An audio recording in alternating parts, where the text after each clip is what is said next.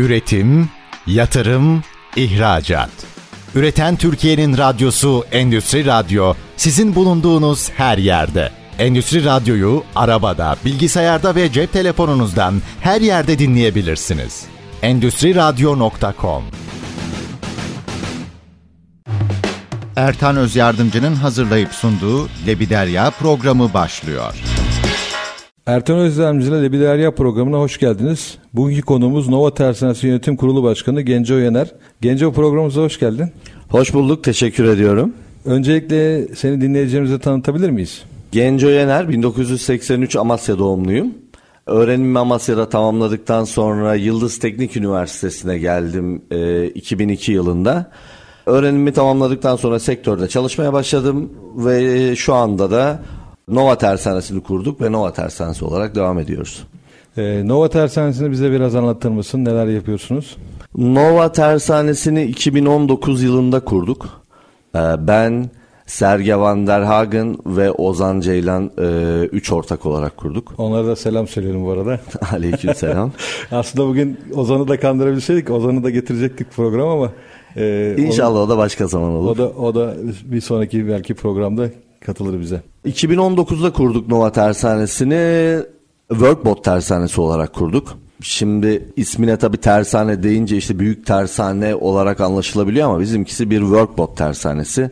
Aslında bot yard da denilebiliyor. Bu arada dinleyeceğimiz için workbot'u da bir ara tanımlarsan hani e, tabii şimdi ki. kendi aramızda böyle terimlerle gidince e, anlaşıyoruz ama diğer sektörden olanların anlaması açısından hani İngilizce terim olarak değil workbot dediğimizde neleri kapsıyor? Tersane asıl dal olarak nelere e, hitap ediyor? Onları da bu arada öğrenmiş oluruz hep beraber. Tabii ki. İş tekneleri olarak tarif etmemiz lazım workbot'u. Burada 35 metreye 40 metreye kadar olarak tarif ediyoruz biz bunu. İşte burada da pilot botlar, araştırma patrol tekneleri, yolcu tekneleri, balıkçı tekneleri gibi iş ticari anlamda kullanılan teknelerden bahsediyoruz. Daha çok işte pleasure tarafında yat projeleri değil de işte ticari anlamda kullanılan tekneler. İngilizce tanımını kullanıyoruz bunun. Workbot olarak tanımlıyoruz dolayısıyla. İşte burada da dolayısıyla bir e, boy sınırı koyduk. Evet. 40 metreye kadar tanımlıyoruz bunu. Mesela yolcu teknesi dediğimizde işte çok daha büyük yolcu gemilerinden bahsedebiliriz ama bizimki daha çok 40 metreye kadar olanlar diye sınırlandırıyoruz. Kurduktan sonra 7 tane proje teslim ettik. Evet. Şu anda da yeni projeler imzalamak e, üzereyiz. Bu arada Onlar tabii, da yine benzer projeler. Siz bunu kurdunuz 2019'da. 2019 sonunda Covid patlak verdi. Yani siz o süreçlere rağmen 7 tane e, tekne inşası yapıp teslim ettiniz ve bildiğim kadarıyla yurt dışına çalıştınız bu konularda doğru mu? Evet doğru. Aslında şöyle oldu. Biz ilk projeyi 2019'un aralığında başladık. Mart'ında da pandemi başladı. Zor bir süreçti bizim için. Yani yeni başlamıştı projeler. Söz verdiğimiz teslim süreleri vardı. Ama biz pandemiye rağmen zamanında teslim etmenin mutluluğunu yaşadık açıkçası. Ondan sonra devam ettiğinde pandemi sonrasında toparlanacak diye bekledik. Ukrayna e, Rusya savaşı başladı. Sonra İngiltere ile bazı projelerimiz vardı. İngiltere Avrupa Birliği'nden ayrıldı. Yani maşallah nereye dokunsanız sorun ya olmuş yani. Ondan sonra biz açıkçası dünya barışı için Nova Tersanesi'ni kapatmak. Belki de bunu konuşup düşünmekte fayda var. Yani her her sektöre dokunduğunuzda ülkede değişiklik oluyor yani. Hayırlısı olsun. Ee, yani herkes için tabii ki de zor bir süreçti. Ee, ama burada biz e, imzaladığımız projeleri zamanında teslim ettik. Hangi ülkelere yaptınız o projeleri? Fransa'ya ve Kongo'ya yaptık. Onları da işte dediğim gibi zamanında teslim etmeyi başardık. Burada bizim müşteri hedefimiz daha çok Avrupa. Avrupa'da belirlediğimiz bölgelerde müşteriler edinmeye çalışıyoruz. Oralarda referanslar yapmaya çalışıyoruz. Orta Doğu ve Afrika taraflarında şu anda bir müşteri hedefimiz yok.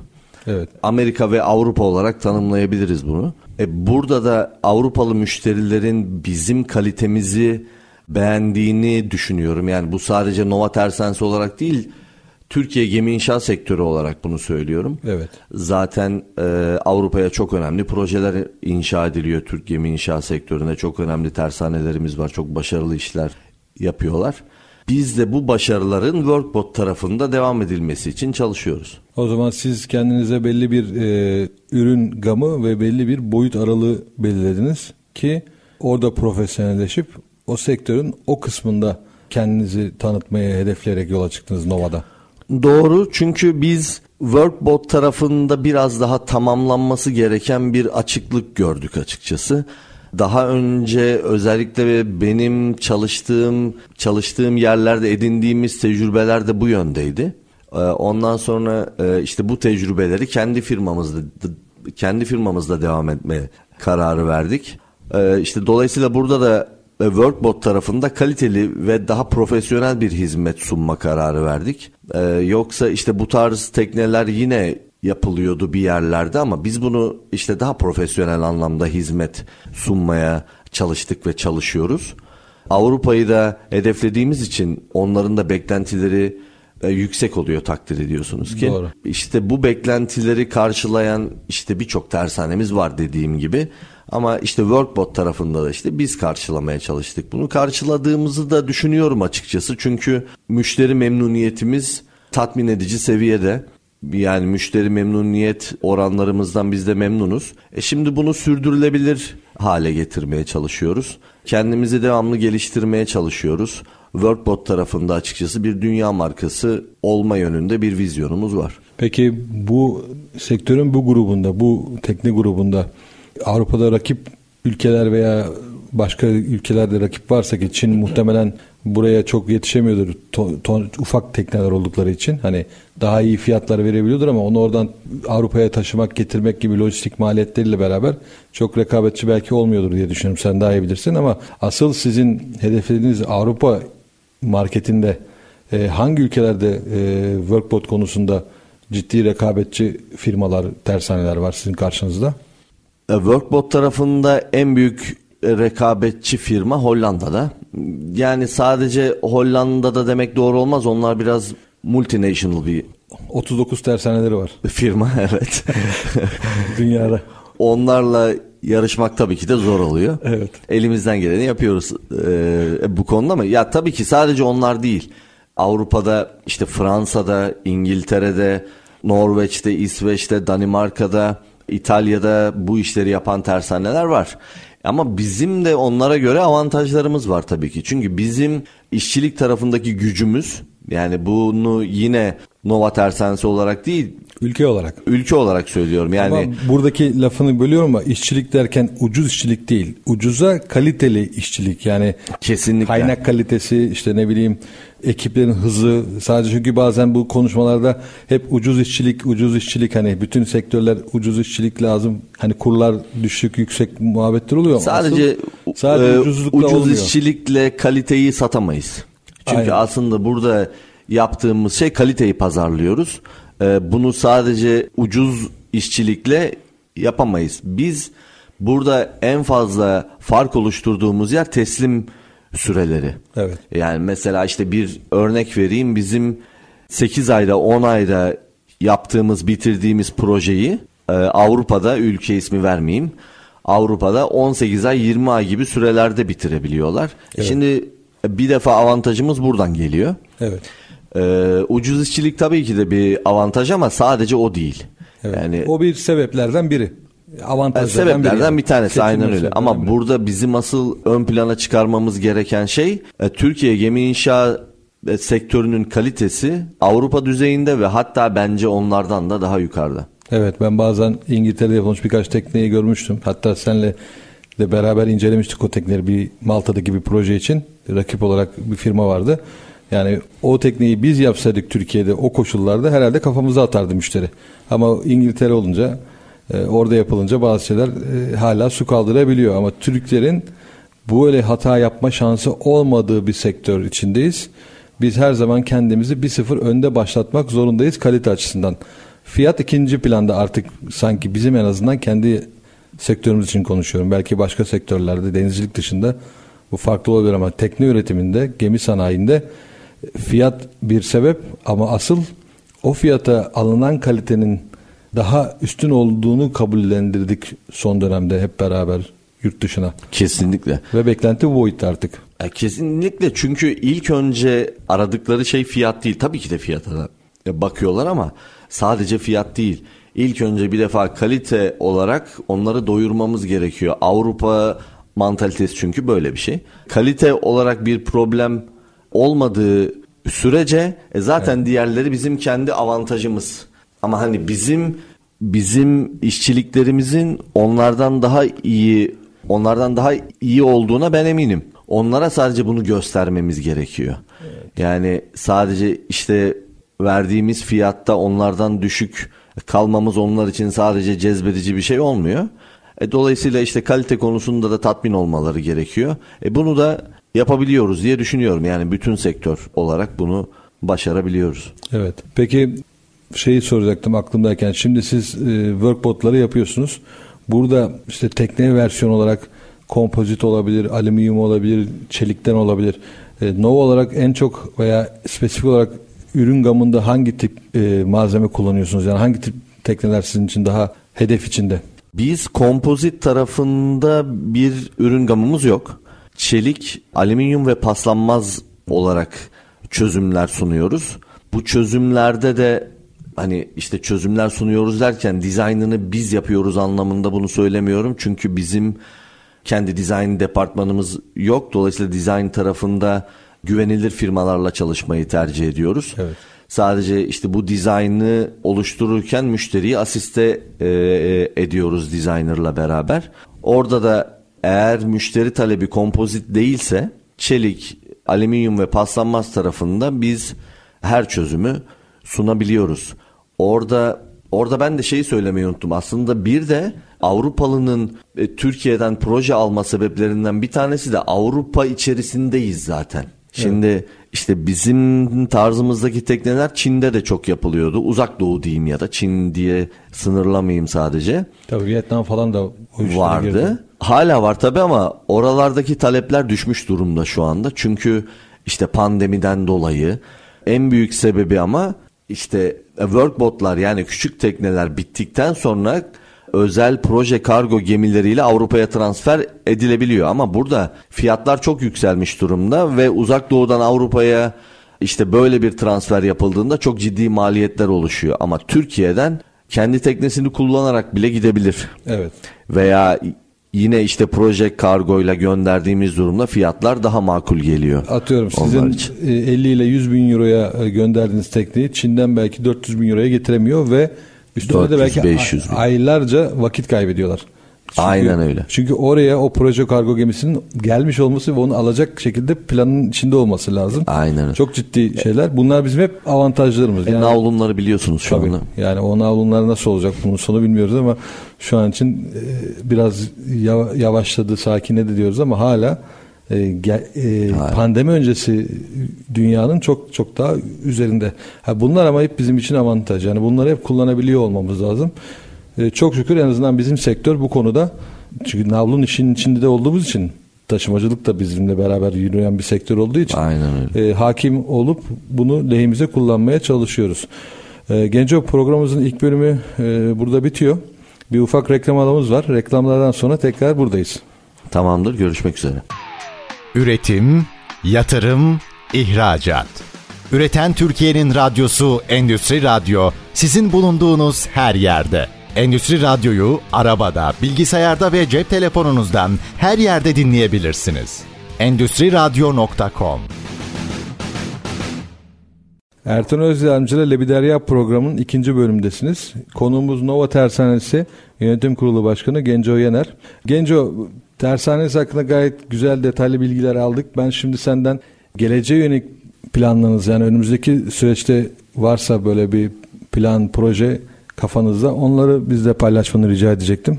Şimdi bizim gelecekle ilgili kısa, orta ve uzun vadeli planlarımız var. Evet. Sadece şu son durumda uzun vadeli planlar yapmak tabii ki biraz e, zorluyor bizi.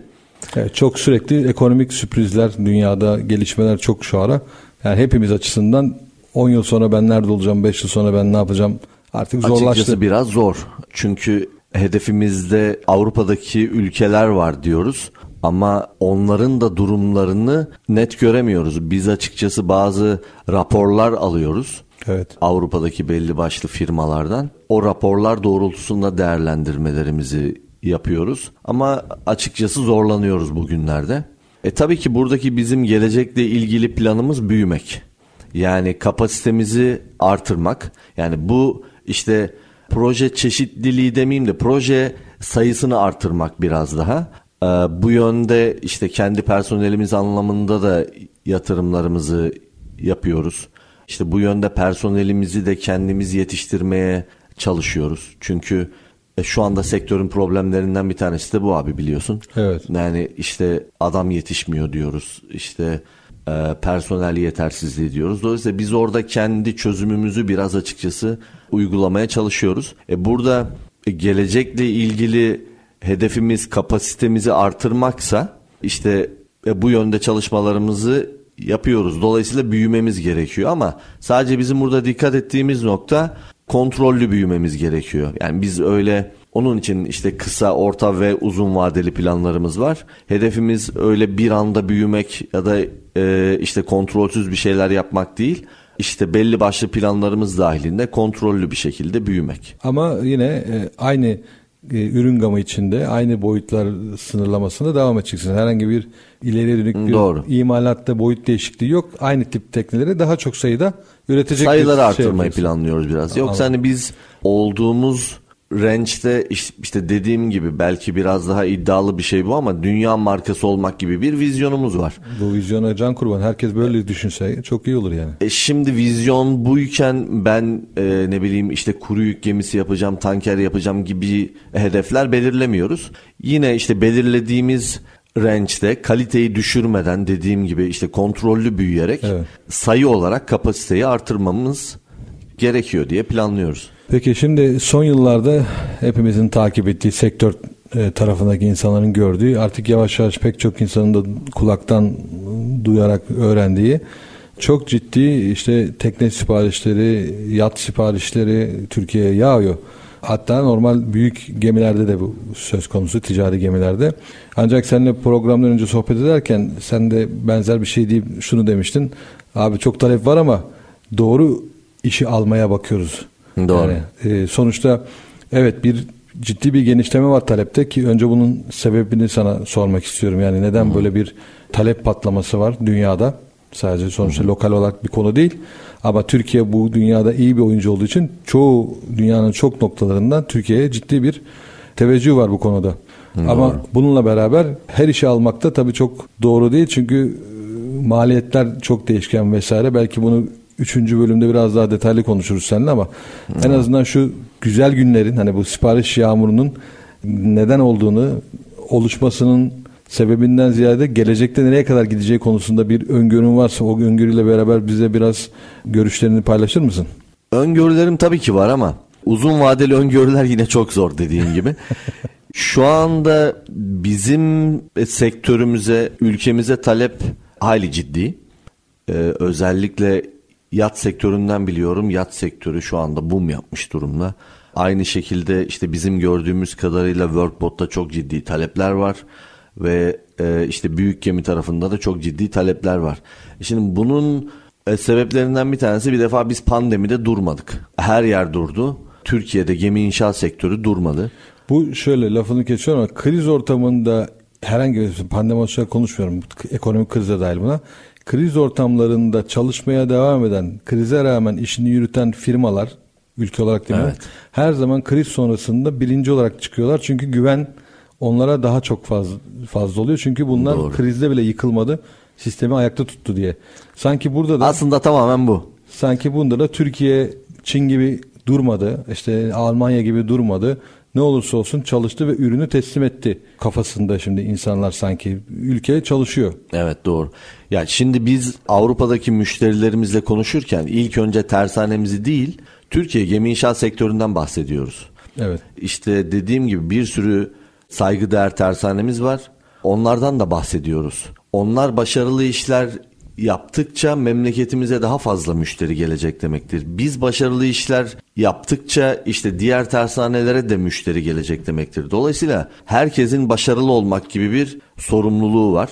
Hani burada işte bütün e, tersaneler kendi ellerini taşın altına koyuyorlar ve e, açıkçası işte dediğim gibi biz Türkiye gemi inşaat sektöründen bahsediyoruz bir defa öncelikle e, müşterilere. Çünkü ilk önce güvenmeleri gereken şey bu. Türkiye'de gemi inşaat sektörü pandemide bile çalışmaya devam etti ve projelerini teslim etti.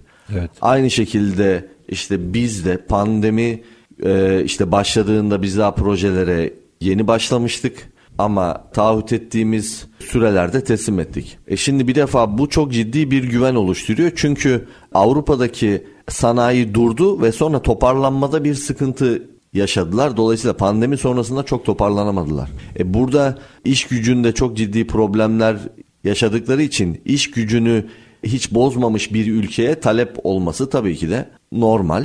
E, dolayısıyla talepler ciddi bir şekilde geliyor. Ama işte senin de dediğin gibi e, doğru projeyi almak e, gerekiyor. Özellikle biz tekliflerimize bu yönde bakıyoruz. Doğru projeyi almaya ve doğru projeyi imzalamaya çalışıyoruz. Çünkü özellikle e, bugünlerde taahhüt işleri yapmak da çok zor. Çok doğru. Çünkü hani bizim işte teslim sürelerimiz 10 ay, 12 ay, 14 ay, 16 ay. Yani e, fiyatlar değişkenlik gösterdiği için uzun vadeli taahhütlerde problemler yaşanabiliyor. Ama e, işte yani bütün problemlere rağmen Türkiye gemi inşaat sektörü güzel işler çıkarıyor diyebilirim. Dolayısıyla taleplerinde gelmesi gayet normaldir. Yani bu Covid süreci ve sonrasındaki bu Ukrayna-Rusya savaşı da dahil olmak üzere bu yaşanan sorunların içinde e, sektör olarak ve ülke olarak e, alnımızın akil hasta çıktık. Taahhütlerimizin çoğunu yerine getirdik ülke olarak. Sektör olarak hepsini yerine getirdik benim Doğru. bildiğim. E, bu da işte şimdi e, bize iyi boyutta talepler ve e, kaliteli müşterilerle geri dönüyor. Tabii. Şu an an gördüğüm kadarıyla biz sektör olarak söylüyorum. Seçilen değil, seçen olmaya başladık. Yani müşteriler bizi artık seçmiyor. Biz müşterileri Aynen. seçen duruma geldik. Orada Bunu bir şey anlatabilir miyim? Tabii. Mikrofon ee, senin. İngiliz bir müşterimiz vardı. Ukrayna-Rusya savaşı başlamıştı. Evet. Mesaj attı bana. Tam da anlaşmak üzereyiz böyle iş, e, işte teknesine başlayacağız falan. İşte bak dedi savaş yakınlarınızda. Yani hmm. işte e, Türkiye'de bir işte problemler olacak falan filan gibi e, şeyler söyledi. Ya dedim siz kendinize dikkat edin. Yani biz antrenmanlıyız. E, yani şey, sizde sıkıntı çıkmasın bizde çıkmaz ki öyle oldu. Onlarda şu anda enerji problemleri var. Evet. E, yani şimdi burada gemi inşaat sektörü gümbür gümbür devam ediyor. Ki çok ciddi enerji çeken bir sektörüz. Yani bizim e, ihtiyacımız gayet yoğun elektrik ve şeye. Aynen öyle. E, ve ham maddeye. Çok şükür e, bu sıkıntıları hem sektör olarak hem ülke olarak şu ana kadar çok e, iyi şekilde yürüttük. İnşallah bundan sonra da başarıyla devam ederiz. Şimdi ben sana başka bir hani konuyu değiştirmek adına da hem çoğunlukla gelen konuklara bunu hep soruyorum. Çünkü önümüzde çok ciddi bir başka süreç var. Ee, yeşil mutabakat. Ee, bunda ciddi bir farkındalık yaratmamız gerekiyor. Çünkü bizim tersanelerimizden armatörümüze kadar bizi iliklerimize kadar etkileyecek bir taahhüt ve Türkiye bu şeyin bir tarafı kontratın diyelim. Hı hı. Dolayısıyla Nova tersanesi olarak ben işte hem hibrit tekneler hem elektrikli tekneler konusunda çalıştığınızı bazı projelere ve hatta imza atmak üzere olabilirsiniz. Zaten son şeyi senden alırız. Bunlarla ilgili çok e, yol kat ettiğinizi biliyorum. E, hem Doğru. şu anda çalıştığınız projeler açısından hem geleceğe yönelik olarak hem de bu yeşil mutabakatın bizlere olacak etkileriyle beraber sizin üretim gamınızdaki etkileri konusunda şöyle bir genel bir anlatım yaparsan dinleyicilerimize. Çünkü bu hepimiz için, her sektör için, ülke için çok önemli bir konu. Sürekli her programda ben bunu işlemeye çalışıyorum. Bir beş dakikada olsa yeşil mutabakat ve etkileri. Aynen öyle. Yani gerçekten önemli bir konu ve bence önemi daha fazla artacak bir konu gelecekte. Şu anda bence farkındalığı olması gerektiği kadar değil. Ee, ama gelecekte farkındalığı daha yüksek olacak bir iş. Ben açıkçası Nova'dan önce kendi kurduğum başka bir firma vardı. işte bir mühendislik danışmanlık firmasıydı. O firmadayken daha çalışmalarıma başlamıştım. Hibrit ve sıfır emisyonlu projelerde Avrupa'da bazı firmalarda eğitimler aldım, traininglerine katıldım, seminerlere katıldım. Dolayısıyla bu işe en başından beri hazırlandık. Nova Tersanesi kurulduğunda da açıkçası vizyonlarımızdan ve öncelikli proje seçeneklerinden bir tanesiydi. Hı hı. Hibrit veya elektrik propulsion projeler. Hı hı. Dolayısıyla bu yönde çalışmalarımızı hala çok ciddi sürdürüyoruz. Sadece buradaki problem biraz e, referanstı. Referans Doğru. E, sorulduğunda cevap vermesi biraz zor oluyordu. Tabii hani ben e, bazı projelerin danışmanlığını yapmıştım ama Nova olarak yaptığımız bir gemi yoktu. Şu anda e, işte bu yeni yılda başlayacağımız projelerden bir tanesi böyle bir proje. Evet. E, elektrik propulsion olacak bir tanesi. E, biz burada yaptığımız çalışmaların meyvesini yedik diyebilirim biraz ama bu sadece meyvesini yedik anlamında değil biraz da yapmamız gereken bir şey. Çünkü e, işte bahsettiğiniz gibi önümüzde bir yeşil mütabakat var ve bununla ilgili yine herkes kendi elini taşın altına koyması gerekiyor. İşte biz de burada kendi üzerimize düşeni yapmakla mükellefiz. Bunu yapmakla ilgili kendi altyapımızı oluşturmuş durumdayız.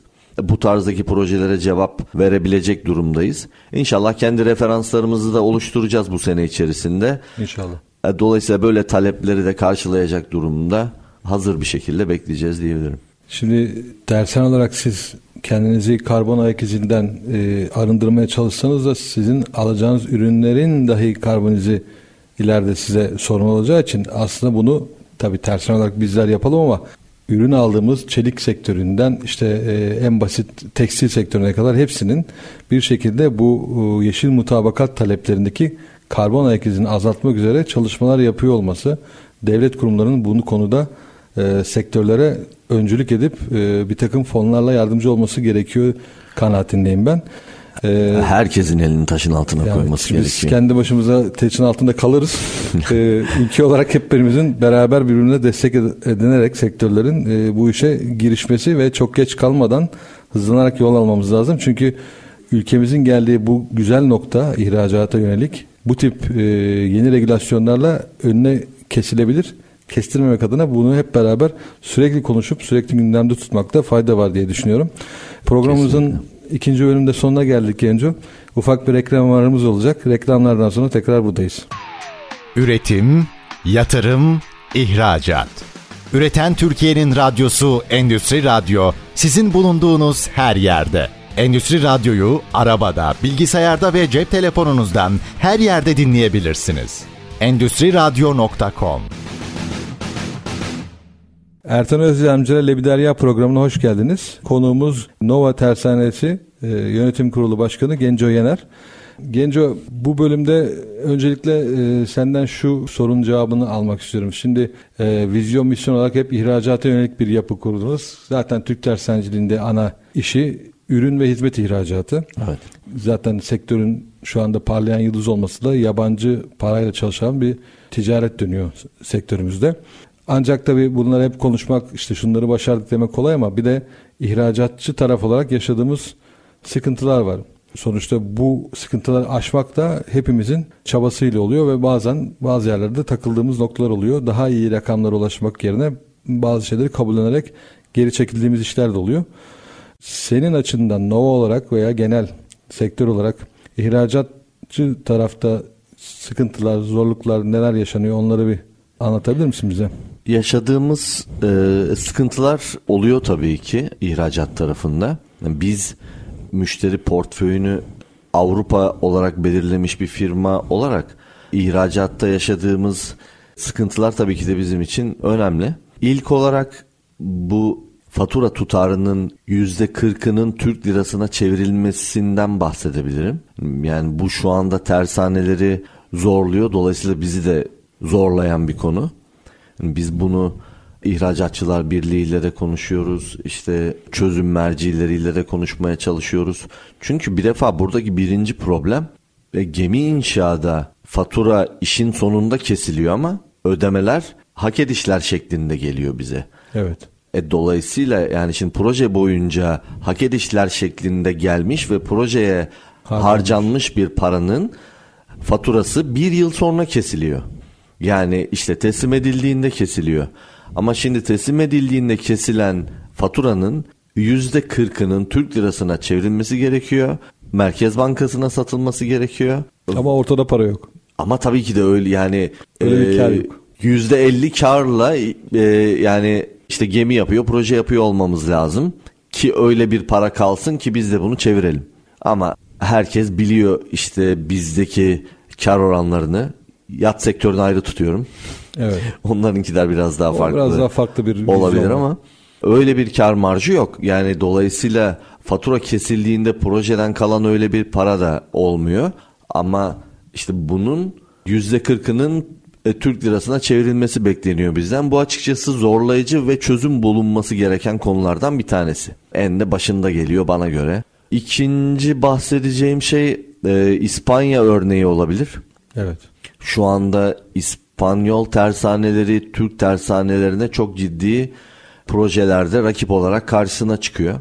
Normalde herhangi bir Avrupa tersanesinin zorlanabileceği fiyatları veriyorlar. Çünkü burada çok ciddi devlet destekleri almış durumdalar. Dolayısıyla bizim işte burada devletimizden beklentimiz benzer destekleri bizim de almamız, onlarla yarışabilmemiz ve ihracatımızın sürdürülebilir olması için. Yanlış bilmiyorsam burayı böyle söyleyeceğim ama umarım hatalı bir şey söylemiyorumdur.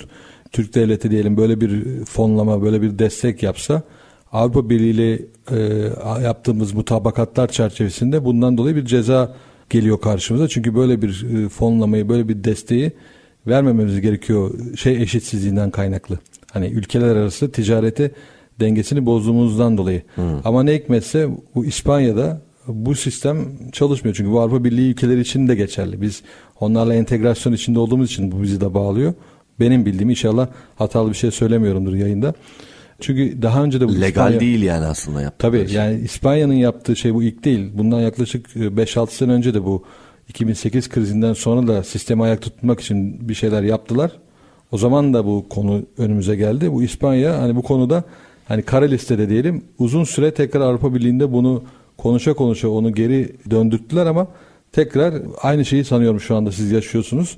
İspanya tersanelerinin karşısında. Bu destekler Avrupa Birliği ülkeleri içinde belli sınırlara konmuş. Bunun ötesine geçtikleri zaman aslında onlar da bir cezai yaptırımı uygulanması gerekiyor ama kendi içlerinde bu şeyi belki idare edebiliyor ama Türkiye bunu yaptığı zaman tabii doğal olarak hemen sopa gösteriliyor. O yüzden bizde bazı şeyler... Onlara bir tolerans gösteriliyor tabii. Evet yani, yani öyle ben öyle diyorum. Umarım hani yanlış da bir şey söylemek olmam. Ee, onu da tekrar ben bir tekrar inceleyeyim. Hani yarın teklif edeceğim bir şey de demek istemiyorum yayında. Ama bir kontrol etmek lazım. Sanki İspanya'nın bu ilk şeyi değil. ilk vukuatı değil bu konuyla ilgili.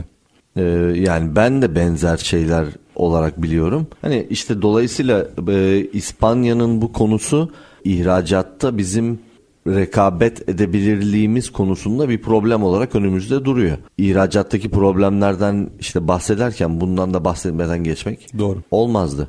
Bir de bunun yanında tedarikteki problemlerden bahsedebilirim. İşte bazı ürünlerde gizli ambargolar uygulanıyor. Bunun işte bir şekilde önüne geçilmesi gerekiyor. Ee, burada hatta e, bazı ürünlerde Avrupa'daki firmaların bizden işte daha öncelikleri oluyor diyeyim. Ve çok daha iyi fiyatlar alıyorlar. Yani şimdi ve çok daha iyi fiyatlara alıyorlar. E, dolayısıyla bizim rekabetçiliğimizi kırmaya çalışıyorlar. E şimdi bu konuda ihracatın e, sürdürülebilirliği konusundaki problemlerden bir tanesi. Hani e, çözülmesi gereken konulardan bir tanesi açıkçası. Yani biz bunu e, tedarikçilerle işte görüşerek toplantılar yaparak işte kendi üzerimize düşeni yapmaya çalışıyoruz ama açıkçası daha üst bir destek gerekiyor burada. Şimdi ihracatta böyle sorunlarımız var. Buna rağmen gayet de e, başarılı olarak devam ediyoruz. Sektör e, her geçen gün çok şükür büyüyor. Ama aynı şekilde büyümeyen bir tarafımız var. O da istihdam. İstihdamda çok ciddi sorunlar yaşıyoruz. Yani gemi inşaat sanayi aslında kontrolsüz büyümüş bir sanayi değil. E, yapılar yani diyelim tersaneciliğin bu boyuta atlaması 80'li yılların başında kadar geliyor. Yani ondan önceki tersanecilik tabi var. Osmanlı'dan bu yana tersanecilik tabi var. Ama 80'li yılların başında Tuzla'ya gelişi oradan sonra işte Kospaş'ın kurulması, Yalova'nın kurulması, Antalya'da yat tersaneleri, serbest bölge vesaire derken yani yüze yakın aktif irili ufaklı tersane ve belki 50 tane falan da marina diyelim bu işin içinde ciddi bir yapı oluşturmuş durumda. Ama bu işte 80'den 20'ye 50 küsür senelik e, bir e, serüven içinde evet belki bir mühendislik e, olgusu oluştu. Hani işi yönetenler kılıfında bir şekilde toparladık durumu ama teknik ve tekniker kısmında çok ciddi sorunlar yaşıyoruz. Kesinlikle. Ve yaşamaya da devam ediyoruz. Ee, burada e, senden bir takım görüşler almak isterim. Çünkü bunu da programların çoğunda konuklarla konuşuyorum. Bu da aynen işin mutabakat gibi. Ee, bizim önümüzde e, bu büyüyen sektörün e, yaşayacağı en büyük sorunlardan biri. Ben biliyorsun bizim Malta'da bir çalışmalarımız oluyor, bir yatırımımız var o tarafta. Malta ben üniversitedeyken veya bu sektöre yeni girdiğimde tamirin merkeziydi. Avrupa Birliği'ne girmeden önce çok büyük havuzlar, çok büyük tesisler vardı. Tesisler hala orada ama bir tane çalışan yok neredeyse diyeyim. Hmm. Benim hani korkum e, bir gün Türkiye'nin de bu kadar büyük yatırımlarına e, işletecek kaliteli insan gruplarına sahip olamaması veya bunu kaybedip o avantajından geriye düşmesi. Bu konuda senin e, görüşlerini almak isterim. Açıkçası bence bu problem geleceğin problemi değil çünkü biz bu problemi yaşamaya başladık bile. Evet. Ve bence şu anda sektörün bir numaralı problemi bu. Hani şu anda hangi tersaneyle konuşsak adam yetişmiyor, adam yetişmiyor, adam bulamıyoruz. Ya işte taşçı bile bulamıyoruz gibi şeyler duyuyoruz hep. Hepimizin dertleri dolayısıyla aynı. Şimdi biz Workbot e, tarafında olduğumuz ve daha az e, işçilik gerektirdiği için biz bunu daha az yaşıyoruz tabii ki. Ama işte planlarımızdan bahsettik. Gelecekte işte kapasite artırmayı planlıyoruz. Dolayısıyla yani şimdi bu problemi daha büyük bir şekilde yaşayacağız. Ama buna sektörün problemi olarak bakmak lazım. Evet. Şu anda isim vereyim işte büyük tersaneler işte Cemre, Sefine, e, Tersan işte gibi tersaneler. Ee, Yaklaşık bunlar e, taşeronlarıyla beraber binlerce kişi çalışan tersaneler. Yani tabii 3000, ki. 5000 rakamları bir tersanede gördüğümüz çalışan sayısı. Ve yani çok ciddi katma değerli projeler evet. e, getiriyorlar ülkemize ve yapıyorlar doğru muyum? Aynen e şimdi onlar da projelerini geliştiriyor, sayılarını geliştiriyor ama yani şimdi yönetim anlamında, altyapı anlamında bunları yapabilecek durumdalar. Ama mutlaka iş gücü de gerekiyor. İş gücünün de karşılanması gerekiyor. Dolayısıyla bu noktada adam yetiştirmemiz gerekiyor. Personel yetiştirmemiz gerekiyor. Tekniker yetiştirmemiz gerekiyor. İşte ben daha önce e, Koç Holding'in işte bir tersanesinde çalışıyordum. RMK'da çalışıyordum. Orada bir bir sosyal sorumluluk projesi vardı. Evet. Meslek Lisesi Memleket Meselesi diye bir proje vardı ve yani çok mantıklı bir projeydi bence. Çünkü onlar ta o zamandan görüyorlardı bu problemi. Çünkü şu anda e, teknoloji çağındayız ve insanlar ağır sanayide çalışmaktansa teknolojiye yönelmeyi daha e, cazip görüyorlar. E, dolayısıyla bizim işte e, biraz daha bu konuda stratejik davranmamız gerekiyor sektör olarak. Hani burada sektörün işte büyükleri de yani yine herkes e, işte kendi elini taşın altına sokmalı. Burada anlatacağım aslında başka bir şey daha var. Biz Avrupa'da işte ziyaretlerde bulunurken orada gördüğümüz şey Türkiye'den e, Avrupa'ya personel talebi evet. var. Çok ciddi işte mühendis talebi var, çalışan talebi var yani kaynakçı talebi var. Ya varsa işte gönderebilir misiniz gibi şeylerle karşılaşıyoruz ya kardeşim yani şimdi biz orada kendimiz yapıyoruz. E, bileyim işte kendi işlerimiz var. E, öyle şeylerle karşılaşıyoruz. Dolayısıyla bu şu anda bence bizim e, sektörün bir numaralı problemi ve bir numaralı tehlikesi bence. Yani benim de e, en büyük çekincelerden biri bu. Evet otomasyon, robotik e, kaynak sistemleri vesaireler bunlar belli e, çapta bazı özellikle bazı sektörlerde çok faydalı olabilir. Seri imalat yapan firmalarda. Ama bizim gibi her proje sıfırdan e, çizilip her müşteriye göre özel talep e, yapılan işte terzi işi projelerde e, bazen e, robotik sistem, kedmatikler bir yerde tıkanıyor. Çünkü burada insan artık eliyle yapacağın çok şey oluyor. E, biz, Emek yoğun bir sektör evet. bizim sektör. Demin hani bahsettik İnsan ya, gücüne bağlıyız yani. E, işte pandemide çalıştık. E, pandemide tersanenin kafasına kilit vurup evden online imalat yapma şansımız yok. Öyle bir şey. Bizim gibi sektörlerde işin bu hani tabirimi mazur görsen Türkçe aklıma geldi. Artificial Intelligence bu gibi sistemlerle bizim e, tersaneleri yürütme şansımız, imalatları yapma şansımız yok. O yüzden bazı sektörler evden çalışabilir, bazı sektörler robotla bazı işleri çözebilir ama bizim gibi sektörlerde insan her zaman e, bir numaralı e, tedarik ürünü olacak.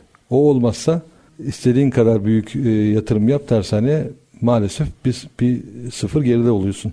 İnşallah bu konuda e, yine hep beraber böyle bir konuşacağımız, dertlerimizi anlatacağımız bir e, oluşumla çözüm bulmaya çalışırız. Ya şimdi biz en azından kendi adımıza kendi çözümlerimizi yapmaya çalışıyoruz.